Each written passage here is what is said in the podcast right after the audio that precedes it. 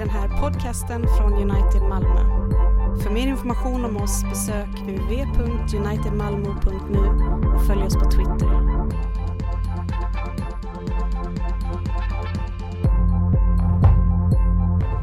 K.A. Smith. Thanks, brother. Appreciate it. Thank you. Thank you. Thank you. Uh, thank you so much. Uh, I, owe a big thank you to Magnus uh, for getting me here, but also being such a gracious host over uh, uh, this week, a busy week. We, my wife and I, unfortunately, she had to fly home today, but we've absolutely fallen in love with Scandinavia and have enjoyed Sweden. And by the way, Malmö is a particularly hidden gem uh, that we have been very glad to see already. Let me start also by um, thanking you for listening to me in English. Um, I, I, did pray for the gift of tongues in Swedish. Uh, it didn't happen, uh, which doesn't surprise me. I've been praying for the gift of tongues in Italian for a long time because it's so romantic. Um, so I, I, really appreciate and I, I, apologize in advance if I use some terms that are more um, American or idiosyncratic. Well, well uh, you, you guys are, you make us English speakers very lazy because you are so good at English, so I appreciate that.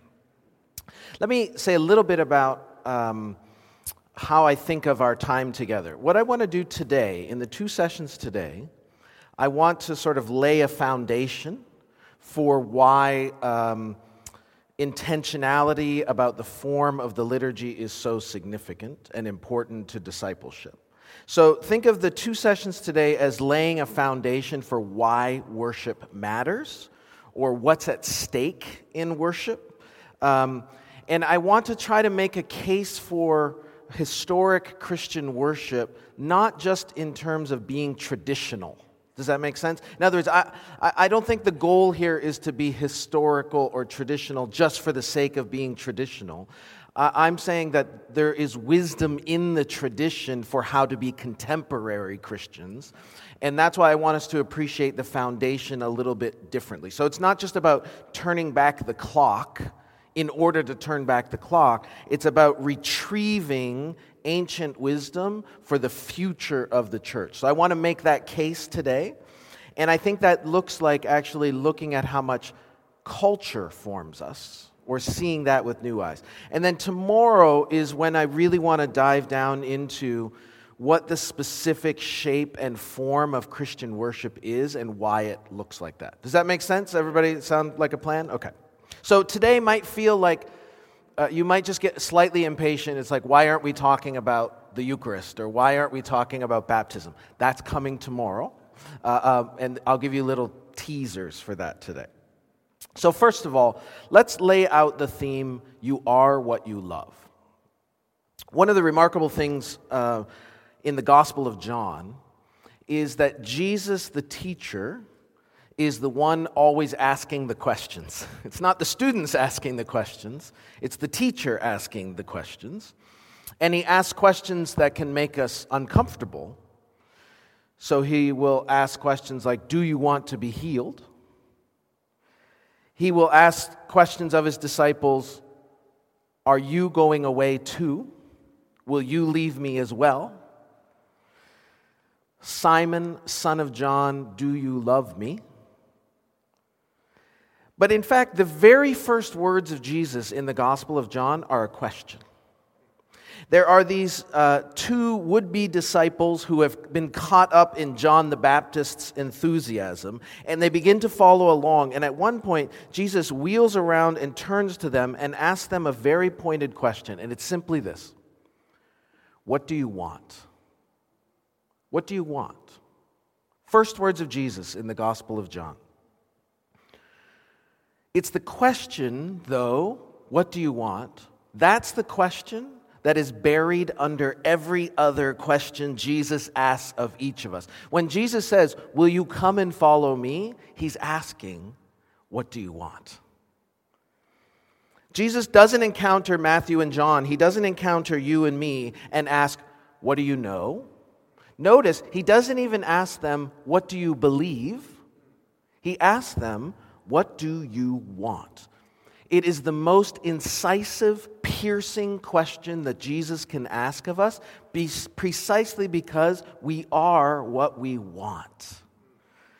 Our wants, our longings, our desires are the very core of our identity. They are the wellspring from which our actions and our behavior flow. Our wants reverberate from our hearts, which is the very epicenter of the human person.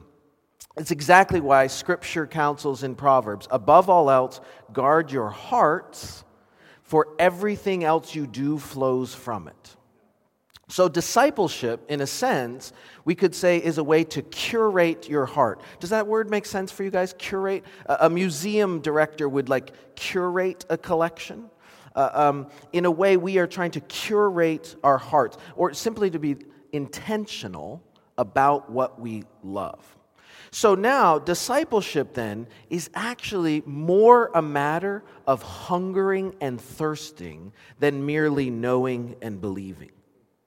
Jesus' command to follow him is a command to align our loves and longings with his. To, to become Christ like is to become people who want what God wants for the world. To become Christ like is to desire what God desires, to hunger and thirst after God, and to crave a world where He is all in all. That's what the kingdom of God means. That's the shorthand term for that. But if that's really true, if, if to follow Jesus is a matter of our cravings, our hungers, our desires, then discipleship can't just be a matter of our beliefs and ideas and doctrines. I wonder, do you ever um, experience a gap between what you know and what you do? Is that, is that I, I think that should be everybody. Right? We have this experience where we get this new knowledge and information, but it doesn't seem to immediately translate into a new way of life, right? So, you know, so you listen to this uh, uh, um, unbelievable podcast by Magnus, on, on, on, and, or you hear this incredible sermon on a Sunday, and, you're, and you leave the sanctuary and you're like, all right, everything's going to be different. I, I, I, I, I'm going to live this way and not that way. And then you wake up, and about Tuesday morning, you're already back to where you were. What's going on there? You're hungry for knowledge. You, you drink up the Bible. You long to be Christ like. And yet, all of that knowledge doesn't seem to translate into a way of life. It seems that we can't think our way to holiness. Why is that? Is it, is it because we're forgetting something? Is it that there's some, still some piece of knowledge, some item of information that you haven't figured out yet? Is it because you're just not thinking hard enough? Well, what if it's because you are not a thinking thing? What if the way to explain this gap between our beliefs, our convictions, our ideas isn't because a problem of thinking, but something else? What if the problem is precisely the model of the human person, the view of human beings that we've assumed here, which has given us a, a, a flat or, or um, uh, truncated is the word I want to use. This, this sort of uh, uh, um, flattened, reductionistic view of the human person that makes us have bad ideas about discipleship. What if we are not, first and foremost, thinkers, brains, minds? Well, then the problem, the reason why there is this gap now between what I know and what I believe and how I live and what I do isn't actually an intellectual problem. It's not that I don't know something. It's not that I haven't thought hard enough about something. There's something else going on here because I am not as governed by my mind or intellect as I might think. I'm not a thinking thing, I'm not a brain on a stick. In fact, I don't know, um, do, do you have Alcoholics Anonymous here? Ad- addiction recovery? So, so one of the lines, and it meets here, fantastic. One of the, um, one of the you know, in many ways, the way recovery programs work, Alcoholics Anonymous works, is they give you these cliches, these lines that you say to yourself one day at a time, things like that. And, and it seems trite, but actually, there's a lot of wisdom carried in these little litanies of cliches.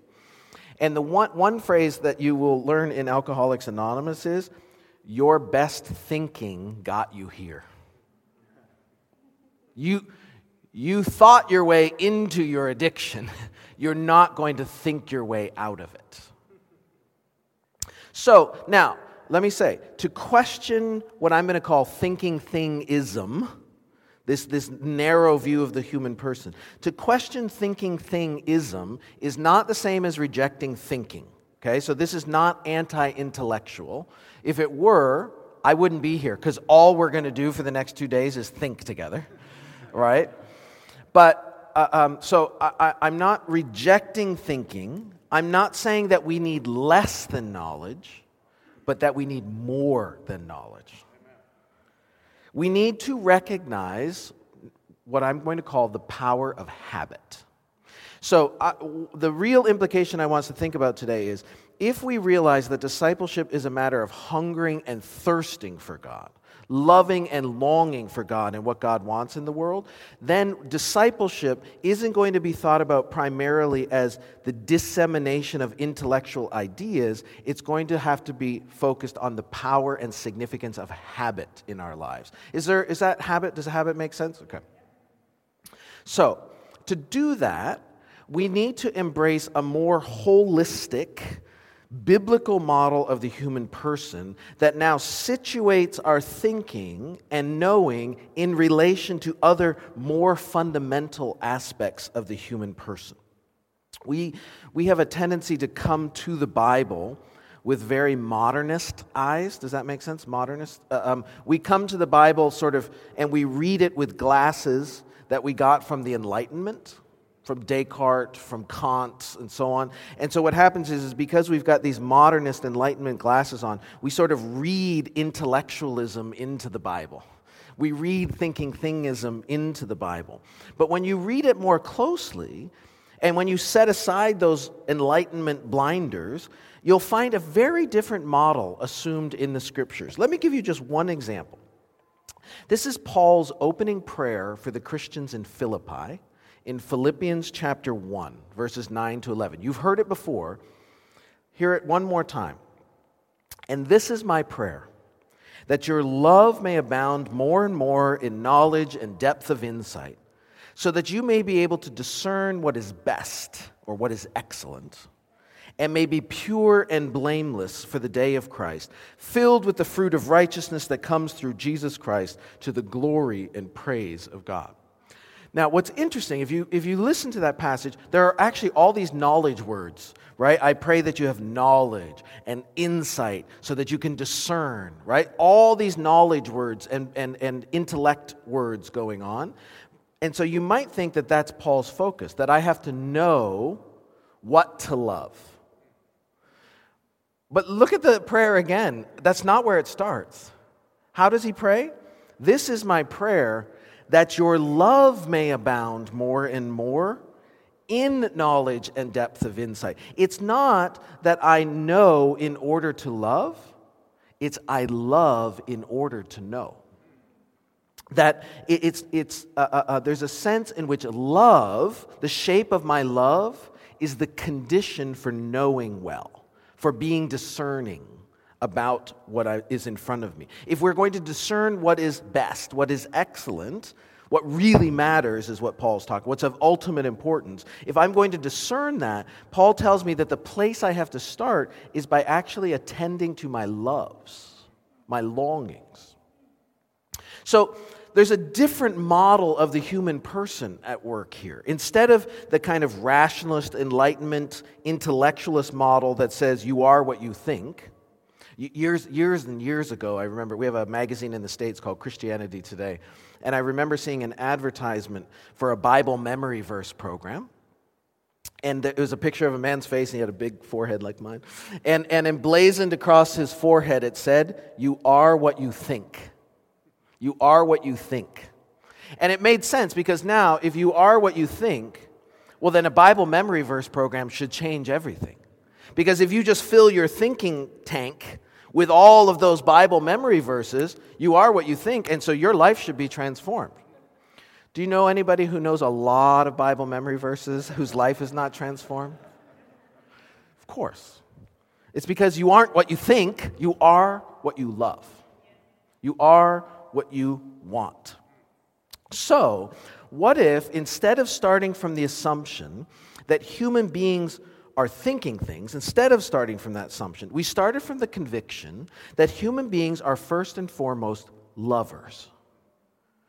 What if we are defined not by what we know, but by what we desire? What if the center and seat of the human person is found not in the heady regions of the intellect, but in the gut level regions of what Paul calls the cardia, the heart, the seat of our wants? Remember, the question Jesus asks of us is not, What do you think? Or What do you believe? But what do you want?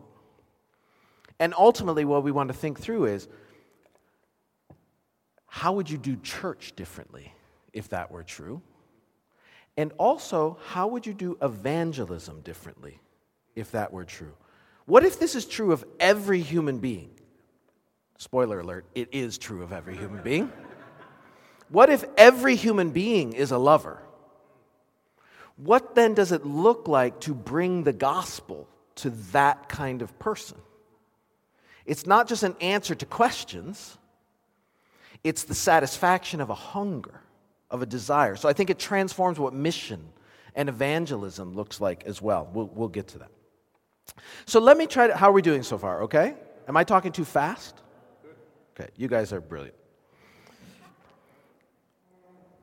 Let me, let me try to unpack this with a slightly different metaphor, a different word picture. Imagine that to be human is to be on a quest. Does that language make sense? A, a, a pilgrimage, a quest.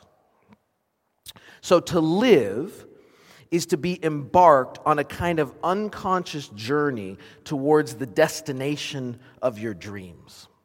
One of my favorite philosophers, Blaise Pascal, put it this way in his famous wager. He said, You must wager. It is not optional. You're already committed. What he means is everybody has bet their life on something. And if you think of this in terms of this pilgrimage or journey or quest more metaphor, what that means is if you are human, you can't not be headed somewhere. You're after something. You're on the way to something. We are, sometimes I say, we are like existential sharks. Uh, uh, sharks, uh, they don't have gills. So the only way they can breathe is if they keep moving through the water and force the water through. And so, in that sense, we, like human beings, we are always on the move. It's the only way that we can live.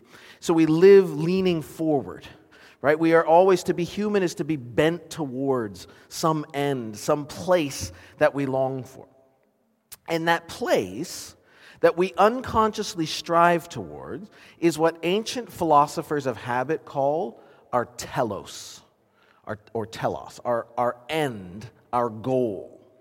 But the telos that we live toward is not an idea primarily. It's something that we unconsciously long for and want. So it's less of an ideal and more like a vision of the good life that we desire. And that's why we're chasing it. It's a picture of flourishing that we imagine in this visceral and often unarticulated way. We don't, we don't make this explicit to ourselves. People don't realize what they're chasing. It's, it's sometimes very vague, and yet it has this attractional pull on us where we think it's where we think true happiness will be found. So, to be human, you could say, you, you can't be human and not secretly or unconsciously desire some kingdom. It's a little. Do, do you know the play Hugo? Hugo, uh, uh, um, Victor Hugo, Les Miserables. Remember, remember the, the sort of orphan child who is always dreaming about a castle in the clouds? It's something like that. Every, everybody kind of has a castle in the clouds that they imagine is where happiness is found. And so to be human is to be animated and oriented by some vision of the good life, some picture of what we think counts as flourishing, and we want that. We crave it, we desire it. It's why our most fundamental mode of orientation to the world is love. We are oriented by our longings, right? So if you think of this as a, in terms of a journey, a quest, our loves are what orient us in some ultimate direction. We adopt ways of life that are indexed or pointed to that vision of the good life. And it's not because we think it through, but it's rather because some picture has captured our imagination. And, and we, we have come to be sort of drawn to it. Now, so it's not a question of whether you long for some version of the kingdom, it's which. This is why I, I, do think this has a huge implication for how we think about uh, uh, uh, conversations and, and holding out uh, um, the gospel to our neighbors, right? Because everything I'm saying right now is true of every human being. So it, it, it's a structural feature of the human creature, it's a creature feature. And uh, uh, so you can't not love. It's why the heart is the seat and fulcrum of the human person. It's the engine that drives our existence because we are lovers first and foremost. And we think about this, if we think about this in terms of this quest or journey metaphor, then what I'm suggesting is the human heart is like a compass. Compass makes sense? Or, or I, I want to complicate it a little bit. Imagine the human heart as part compass and part engine. uh, um, or it, there's maybe a GPS metaphor in here somewhere. Um, or think of it as part engine and part homing beacon. So the human heart is that center of our desires where it's operating um, uh, under the hood. Uh, um, is that, you know, a car engine, right? Okay, okay, good. Yeah, great.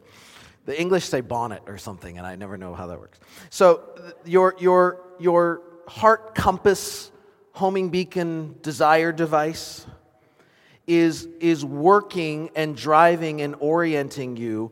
When I say under the hood, what I mean is it's often unconscious. You haven't thought about it. You probably haven't even chosen it, right? It's been pointed in directions you didn't realize, and yet it's precisely what orients your whole life. So there's a resonance then between the heart compass, desire device, and the telos to which you are oriented and driven. It's like, think of it as the magnetic power of the pole working on the needle of the compass, right? Every human heart has been sort of calibrated to be oriented to some north. And that's what drives us and directs us and orients us. You live toward what you want, and you live a way of life that is pulled towards that vision. Okay. So, in this more holistic understanding of yourself, then, the center of gravity of your identity is located in the heart. In this, and, and, and heart language, I don't know what, what the term heart, what, what, what's Swedish for heart? Yeah, I don't know. Yata. Yata. So I don't know what, in the States, in, in North America, heart is, um, it's sort of been taken over by emotionalism and sort of um, what we call Hallmark cards and sort of, you know, mushiness. Uh, um, I, I, want to, um, I want to try to recover the word cardia, heart. It is interesting, in the New Testament, the word cardia, we translate heart, it does mean something more like your gut, a gut level orientation. So, our desires that orient us and direct us towards some telos, some good life, uh, um, are, are working at the level of your gut. and so I, I want to say that those are visceral, right? There's something almost kind of physical and tactile about this, and it's not just ideas that you have about things. So to be a humor is to love to be human is to love something ultimate. Now, we will only fully appreciate the significance of this for discipleship if we also recognize that such love is a kind of subconscious desire, unconscious desire that operates without thinking about it. Okay, this, this is the, I, I want to try to stick here for just a second. The whole point is that our loves that guide us, orient us, direct us are often working unconsciously, and they are not things that we have intentionally chosen or thought about. And this is why I hope you can see this is why there could be a disconnect, a gap between what I think and believe and what I do. Right? Because I don't realize the extent to which my heart has been oriented in ways I didn't realize, I didn't recognize. So uh, uh, um, sometimes, you know, uh, we emphasize that love is a choice, and I get that. That's, that is true. I mean, every day my wife wakes up and somehow manages to choose to love me, which is miracle. It's, it's a sure sign that God is gracious, okay? Um, but on this, I, so I, I don't want to dismiss that entirely, but I also want to say that what I'm talking about here is a kind of love and hunger and desire that isn't just emotion, and it's not just something that you've consciously chosen. It's more like this existential attraction to something ultimate that we've learned. It's less, it's less a conscious choice and more like this baseline inclination that I have, a disposition that I've acquired that's now been woven into who I am. Now, this is a very ancient and I think a biblical way of thinking about love. Okay?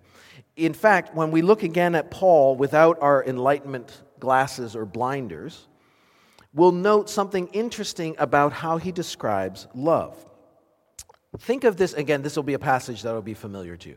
In um, his letter to the Colossians, chapter 3, Paul says this. This is uh, verse 12. Therefore, as God's chosen people, holy and dearly loved, clothe yourselves with compassion, kindness, gentleness, and patience. So, do you see the metaphor there? It's, it's like put on compassion, kindness, gentleness, patience. In fact, in Romans uh, 13, he says the same metaphor put on Christ, right? Clothe yourself in Christ. It was the chapter, it was the verse that converted St. Augustine. You're going to find out St. Augustine is totally my homeboy, and I'm a complete fanboy of St. Augustine. Okay, so clothe yourselves with compassion, kindness, gentleness, and patience. Bear with each other and forgive one another. If any of you has a grievance against someone, forgive as the Lord forgave you. And then in English, in the NIV, it says, and over all of these virtues, put on love over all of this. So clothe yourself in compassion, kindness, forgiveness. And then over all of these virtues, I, I, always think of it as like the big belt that kind of pulls the whole ensemble together. Over all of these other virtues, put on love. Why? Because love is the crowning virtue. Love is the virtue that organizes all of these other virtues. Now, what's significant about that?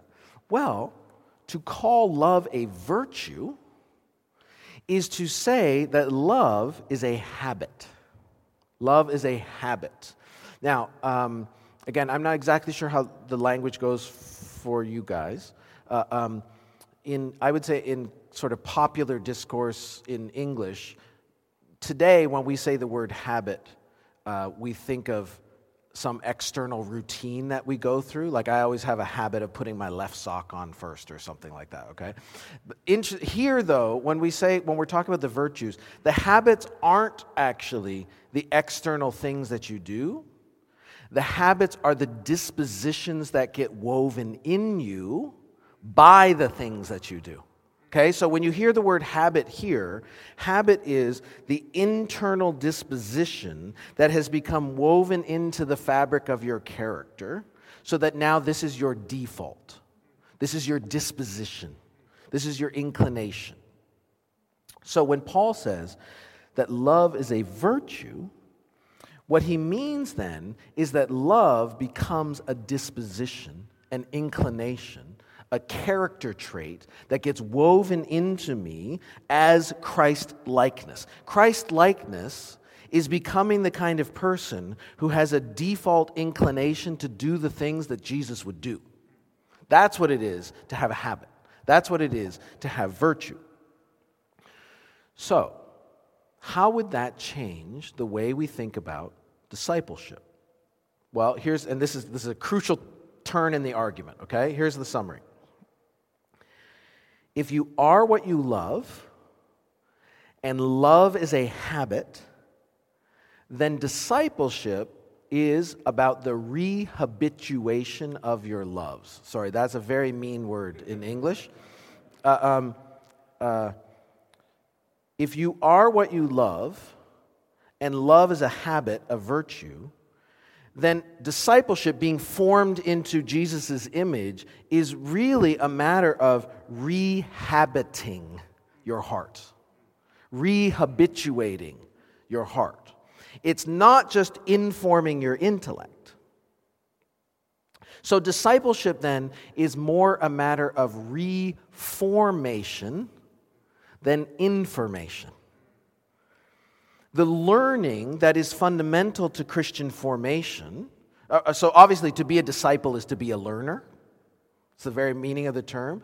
But what we're talking about here is a kind of learning that isn't just the, the intake of ideas and information. We're talking about a kind of learning here that is affective, affective, and you might even say erotic. So it's really it's an interesting. Uh, um, you know, the, there are three Greek words for love. You've, I know you've heard a sermon about this because everybody who preaches on John 20 has to do this.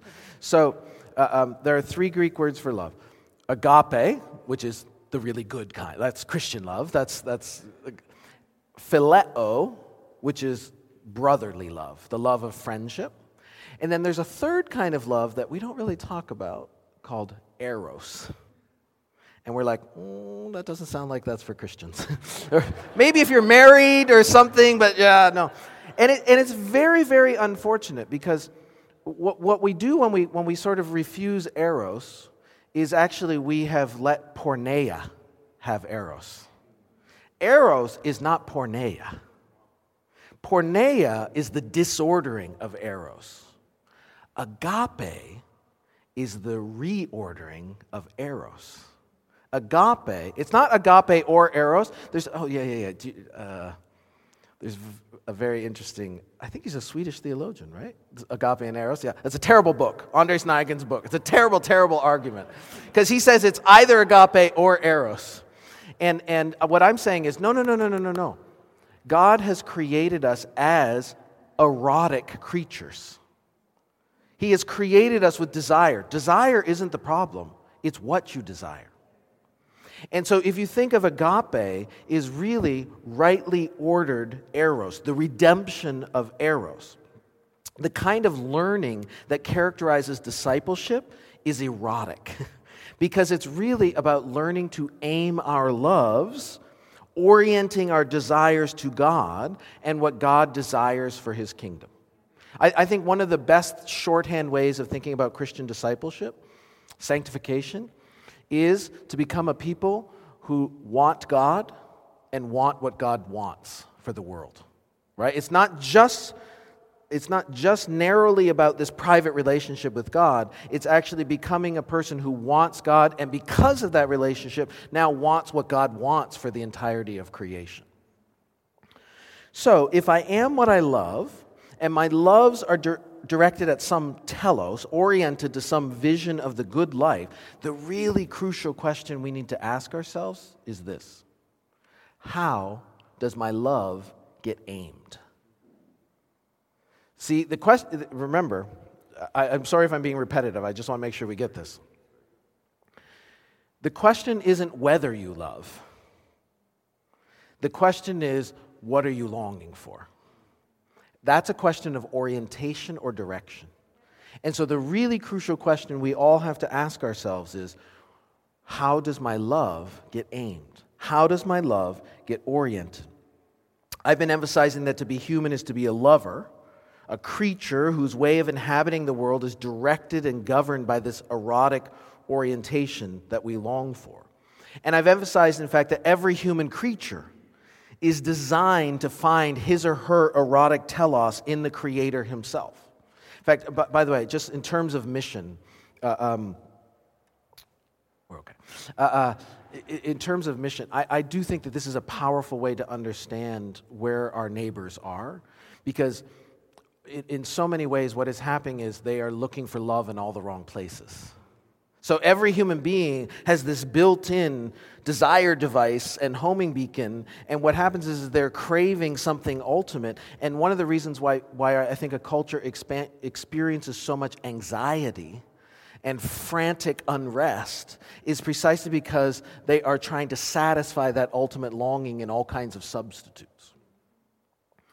So, uh, um, the, the fact that we are made to love something ultimate is no guarantee that we are pointed in the right direction.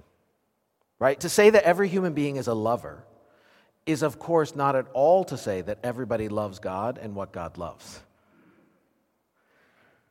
So, God has created us for Himself, and our hearts are designed to find their end in Him. But in fact, many spend their days restlessly craving rival gods, frenetically pursuing rival kingdoms, because the subconscious longings of our hearts have been aimed elsewhere. Now, I think what I just want us to realize is this is more true of Christians than we might realize or be honest about. Because we haven't recognized that our loves have been oriented and trained by other rival practices. When our erotic compass malfunctions, when it's miscalibrated, it gives us false bearings. And if you don't realize it, you head in the wrong direction for a long time. And the results can be disastrous. I'll give you a, a, maybe a picture, an illustration of this. In, in 1914, not long actually after the sinking of the Titanic, Con- the U.S. Congress convened a hearing to discern what had happened in another nautical tragedy. This was off the coast of Virginia. There were two ships, one called the Nantucket and the other called the Monroe. And the steamship Monroe was rammed by this other vessel called the Nantucket, and 41 sailors died when both of these sank. And uh, um, Congress convened this hearing to try to figure out what went wrong. And in the course of being grilled on the stand for five hours, what became clear is the New York Times reported it this way Captain Johnson had navigated the Monroe with a steering compass that deviated as much as two degrees from the standard magnetic compass. This was all about the orientation of the ship. He said the instrument was sufficiently true to run the ship, and that it was the custom of masters in the coastwise trade to use such compasses. His steering compass had never been adjusted in the entire year that he was master of the ship. Now, you might think, two degrees, it's hardly anything. It's such a small, little, skewed percentage. But the faulty compass, which seemed adequate for navigation, he said, obviously proved otherwise.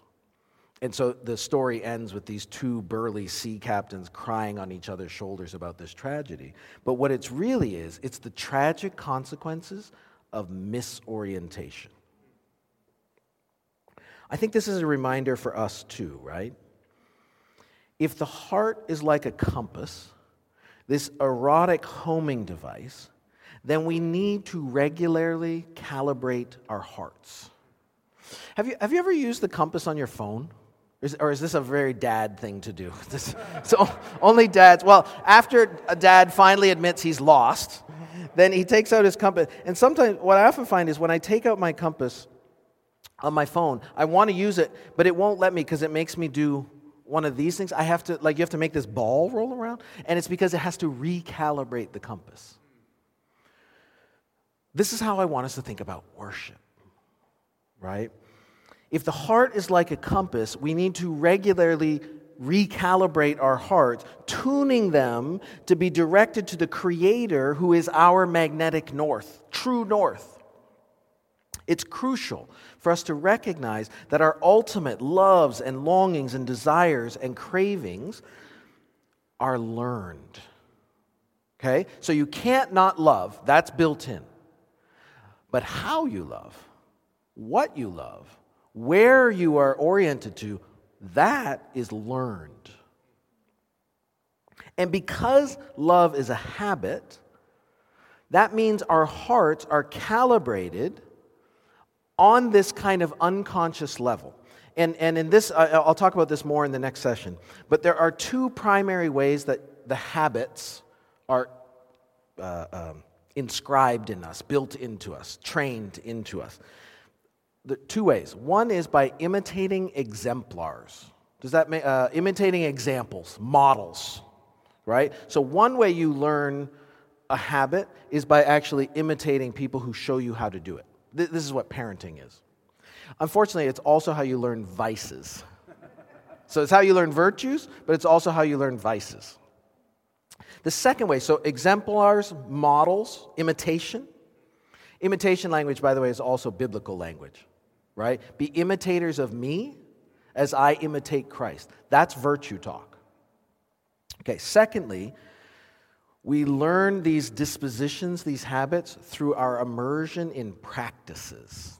Does that word make sense? Uh, um, when I say practices here, what I mean is uh, um, social, communal rhythms and routines and rituals that we do over and over again. Repetition is a key part of them.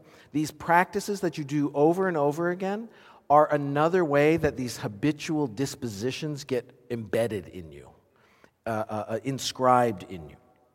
So we learn to love then, not primarily by acquiring information about what we should love, but through practices that form our hearts in terms of how we are to love. Yeah? So these sorts of practices that shape our hearts are really pedagogies of desire. They're trainings of desire. They uh, um, and it's not because they are lectures that inform us, but because they are rituals that form and direct our affections.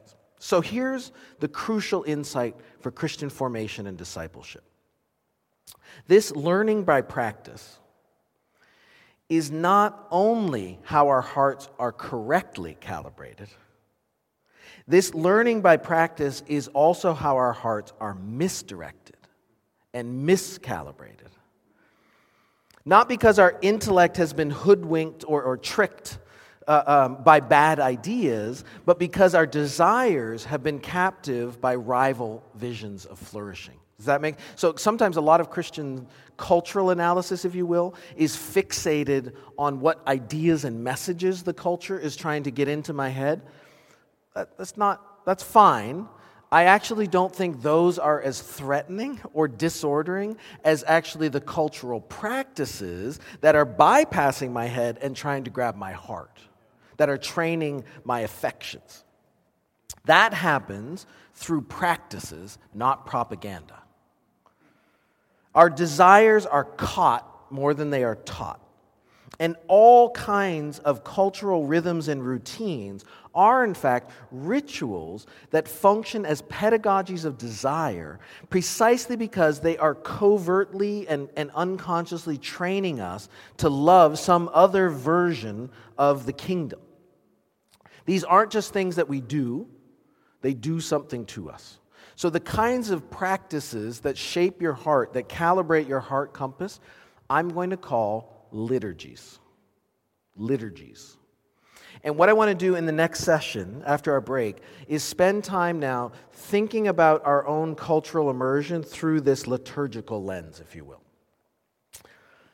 But this also means that spirit led formation of our loves will be a recalibration of the heart, reorienting our loves by unlearning all of the tacit bearings that we've absorbed from those other cultural practices. So we need to recognize how such rituals can be love shaping practices that form or deform our desires, and then be very intentional about countermeasures.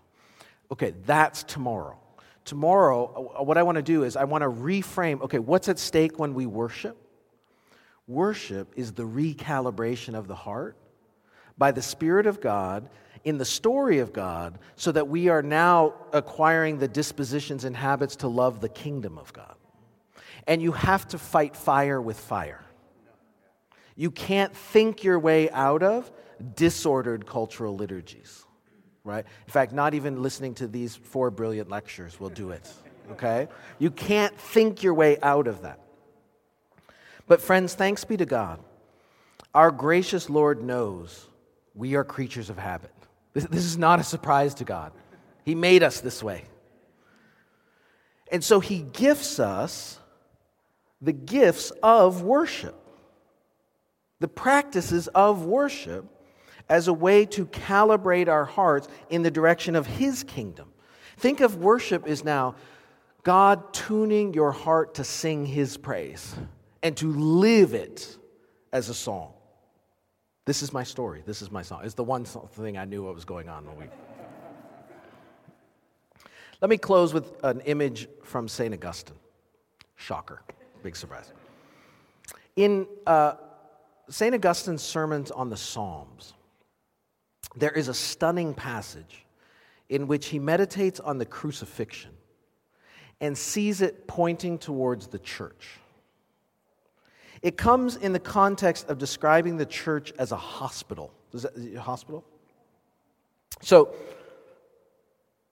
that the body of Christ extends the healing work of the risen, ascended Christ. There's actually a really, really crucial theological insight going on here. What Augustine in, in Latin called the totus Christus, the totus, the whole Christ, which is, and it's, t- is simply taking this seriously.